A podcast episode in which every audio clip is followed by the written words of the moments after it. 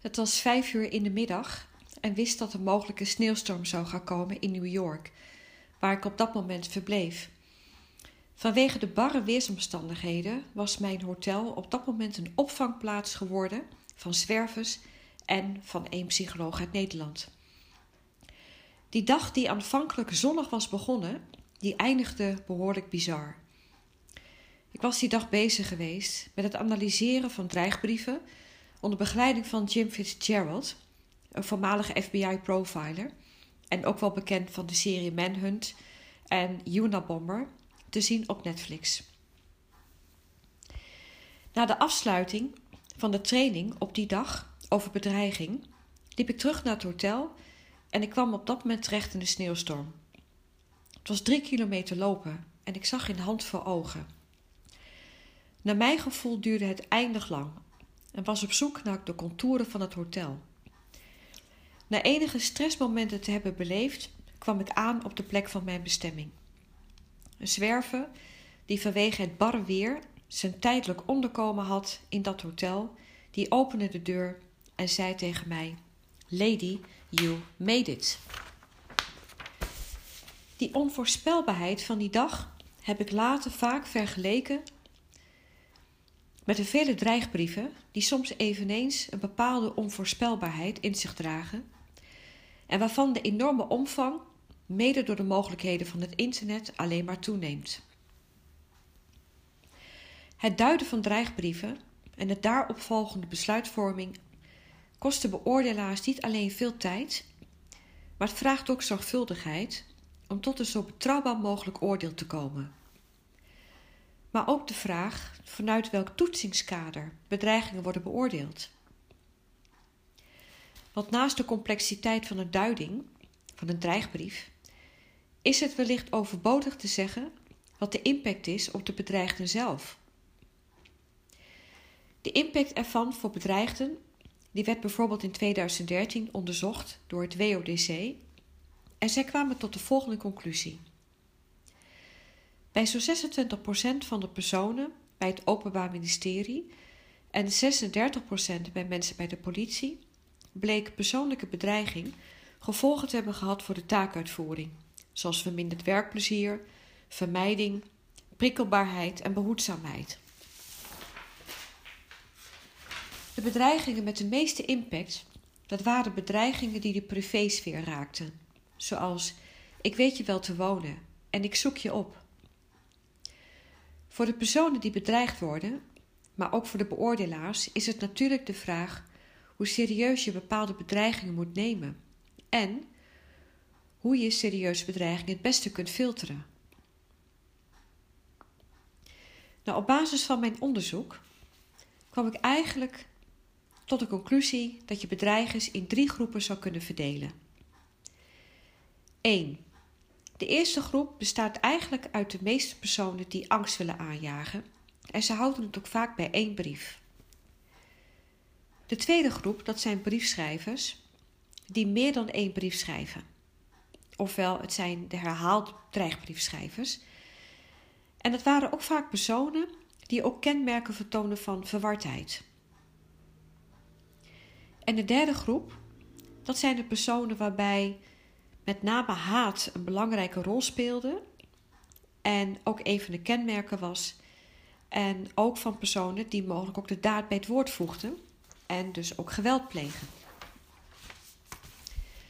De kernboodschap van het onderzoek dat ik heb gedaan, dat is dat haat en verwardheid relevant zijn bij een eerste duiding of een filtering van een handgeschreven of een digitale dreigbrief. En hoe ik daartoe ben gekomen, dat zal ik hierna verder toelichten. Mijn vraag voorafgaand aan dit onderzoek was: wat zijn eigenlijk de vermoede intenties van dreigbriefschrijvers? En welke woorden geven hiervan mogelijk aanwijzingen? Het duiden van relevante kenmerken van handgeschreven en digitale dreigbrieven in relatie tot toekomstige criminele gedragingen, dat is namelijk een vraagstuk van heel veel organisaties, zoals de Nationale Politie, het Openbaar Ministerie, Algemene Zaken, maar bijvoorbeeld ook de Nationaal Coördinator Terrorismebestrijding. En voor dit onderzoek dat ik deed, lag mijn focus op bedreigingen, gericht op personen die vallen binnen het stelsel bewaken en beveiligen. En daar bedoel ik mee dat zijn bewindspersonen, dus publieke personen, maar bijvoorbeeld ook leden van het Koninklijk Huis. En deze publieke personen, zij ontvangen doorgaans dreigbrieven met zowel een strafbare, maar ook vaak een niet strafbare inhoud. Het zijn personen die vanwege hun functie veel in de publiciteit staan en beslissingen moeten nemen die een maatschappelijke of sociale impact hebben. Het doel van dit onderzoek was tweeledig. In de eerste plaats om nieuwe kennis te vergaren over forensisch-linguïstische kenmerken van dreigbrieven of fingerprints. En op de tweede plaats om een meetinstrument te ontwikkelen dat geheel is gebaseerd op de dreigbrief, om op die manier na te gaan in hoeverre toekomstig crimineel gedrag is te voorspellen. De meerwaarde is dat het nieuwe kennis genereert over dreigbriefschrijvers, wat bijdraagt aan een betere duiding van herhaalde dreigbrieven, maar ook van anonieme briefschrijvers, maar ook aan het nemen van adequate maatregelen om publieke personen zo goed mogelijk te kunnen beschermen.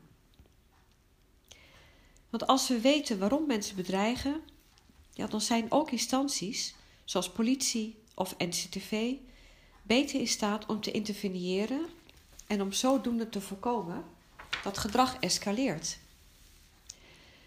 En de kennis uit dit onderzoek, of mijn proefschrift, biedt mogelijkheden om beter zicht te krijgen op gedrag en welke kenmerken in de geschreven teksten relevant zijn. Hoe lastig het is om een fingerprint te maken op basis van briefkenmerken, dat bleek wel uit het zeer langdurige onderzoek dat de FBI ooit deed naar Ted Kaczynski en die later bekend werd als de Unabomber. Jim Fitzgerald, de FBI-profiler, die probeerde een profiel te maken van zijn bombrieven, maar werd steeds op het verkeerde been gezet door de gewiekste wijze waarop Ted Kaczynski zijn brieven schreef. En dat waren overigens anonieme brieven. De brieven in dit onderzoek die werden in tegenstelling tot de dreigbrieven van de Unabomber wel ondertekend met de naam. Maar zij waren ook herleidbaar door uniek gebruikte microkenmerken. En daar bedoel ik mee de schrijfstijl, de vorm, hoofdletters, details, cijfers. En in mijn onderzoek waren de microkenmerken met name relevant om bijvoorbeeld vast te stellen of het bij herhaalde schrijvers ook ging om dezelfde persoon. Maar ook om achtergrondkenmerken vast te kunnen stellen voor de personen die het hielden bij één brief. Personen kunnen immers ook met een andere naam ondertekenen om zodoende te voorkomen dat hun ware identiteit wordt onthuld. De achtergronden van dreigbriefschrijvers en hun communicatiemethoden zijn eveneens relevant en om een beeld te krijgen om wat voor soort brieven het ging, bespreek ik even twee kort geanonimiseerde brieven. Over de methoden en technieken die ik heb gebruikt, zoals inhoudsanalyses en statistische technieken, verwijs ik heel graag naar mijn boek.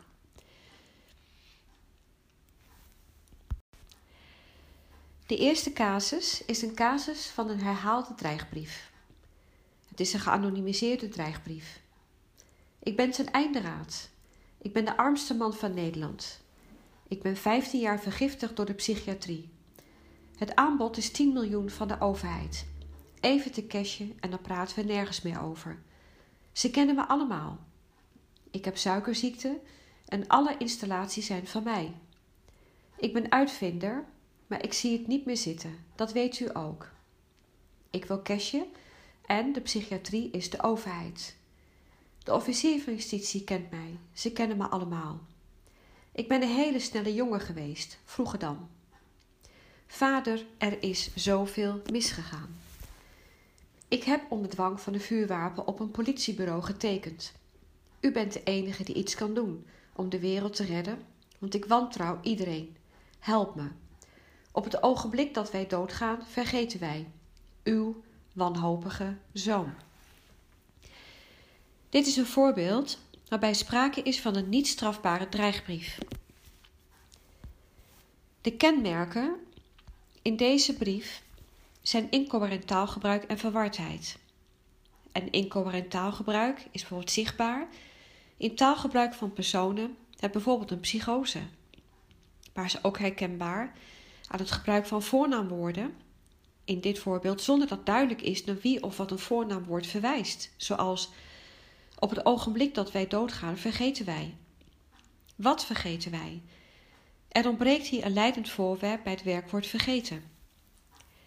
Er is echter ook sprake van complotgedachten. De persoon is overtuigd dat er een complot tegen hem is opgezet. Hij schrijft namelijk: Ik ben 15 jaar vergiftigd door de psychiatrie.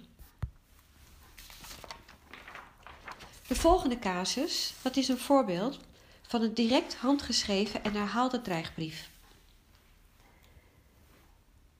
Ik kan je hoofd niet meer aanzien en ik wens je dood. Ik ben al druk aan het oefenen met mijn wapen op jouw hoofd. Ik ben ervan overtuigd dat jullie mij kapot maken en ben de achtervolgingen helemaal zat. En daarom moet je dood. Ik hoor jullie iedere avond. Ik heb er lang over na zitten denken en ben er helemaal uit. Haal je mannetjes maar snel terug, want ik ben niet bang voor jullie. Sterker nog, ik ben de allergrootste en jullie maken me helemaal niets. Ik zal het je pijnlijk laten voelen, want ik haat jullie allemaal. De kogel die bij deze brief zit, komt van mij, dus ik pak je terug. In de vorige brieven kreeg ik ook al geen antwoord en ik ben er helemaal klaar mee.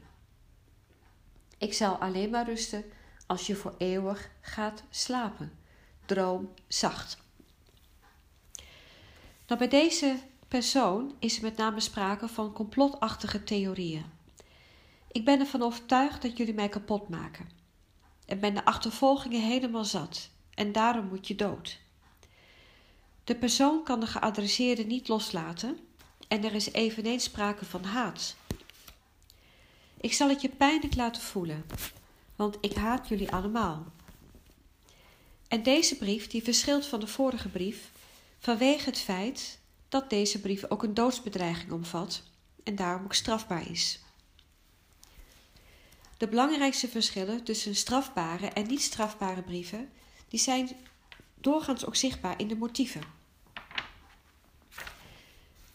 Kenmerkend voor de dreigbrieven in dit onderzoek waren met name de emotionele uitbarstingen en angst aanjagen. En voor de tweede groep, dat waren de niet strafbare dreigbrieven, bleek dat verwardheid te zijn, maar ook fixatie of het claimen van bepaalde rechten. Het is dan ook niet zo verwonderlijk dat de groep van niet strafbare dreigbriefschrijvers verantwoordelijk was in mijn onderzoek voor het herhaaldelijk schrijven van dreigbrieven. En die brieven die vragen ook de meeste tijd en aandacht van beoordelaars. Terugkomend op het onderzoek kan er met de uitkomsten eveneens een selectie worden gemaakt door beoordelaars op briefschrijvers waarvan mogelijk een zorgindicatie uitgaat, of van personen die mogelijk de daad bij het woord voegen. En dat zijn de eerder besproken kenmerken van verwardheid en haat. Het is heel goed voorstelbaar dat die groep van verwarde personen mogelijk groter wordt door de afnemende zorg of door een toename van bijvoorbeeld individualisme. En deze kenmerken, die uit mijn onderzoek naar voren kwamen, die zijn behulpzaam bij een eerste duiding voor dreigbrieven en om een inschatting te kunnen maken of personen het houden bij één brief of herhaaldelijk brieven blijven schrijven. Er valt natuurlijk gewoon veel meer te zeggen over taalkenmerken en de uitkomsten van dit onderzoek. En daarvoor verwijs ik heel graag naar dit boek, Het Woord en de Daad. En dit boek is te koop bij Boomcriminologie. Kenmerken van dreigbrieven en de intenties waarmee ze geschreven werden.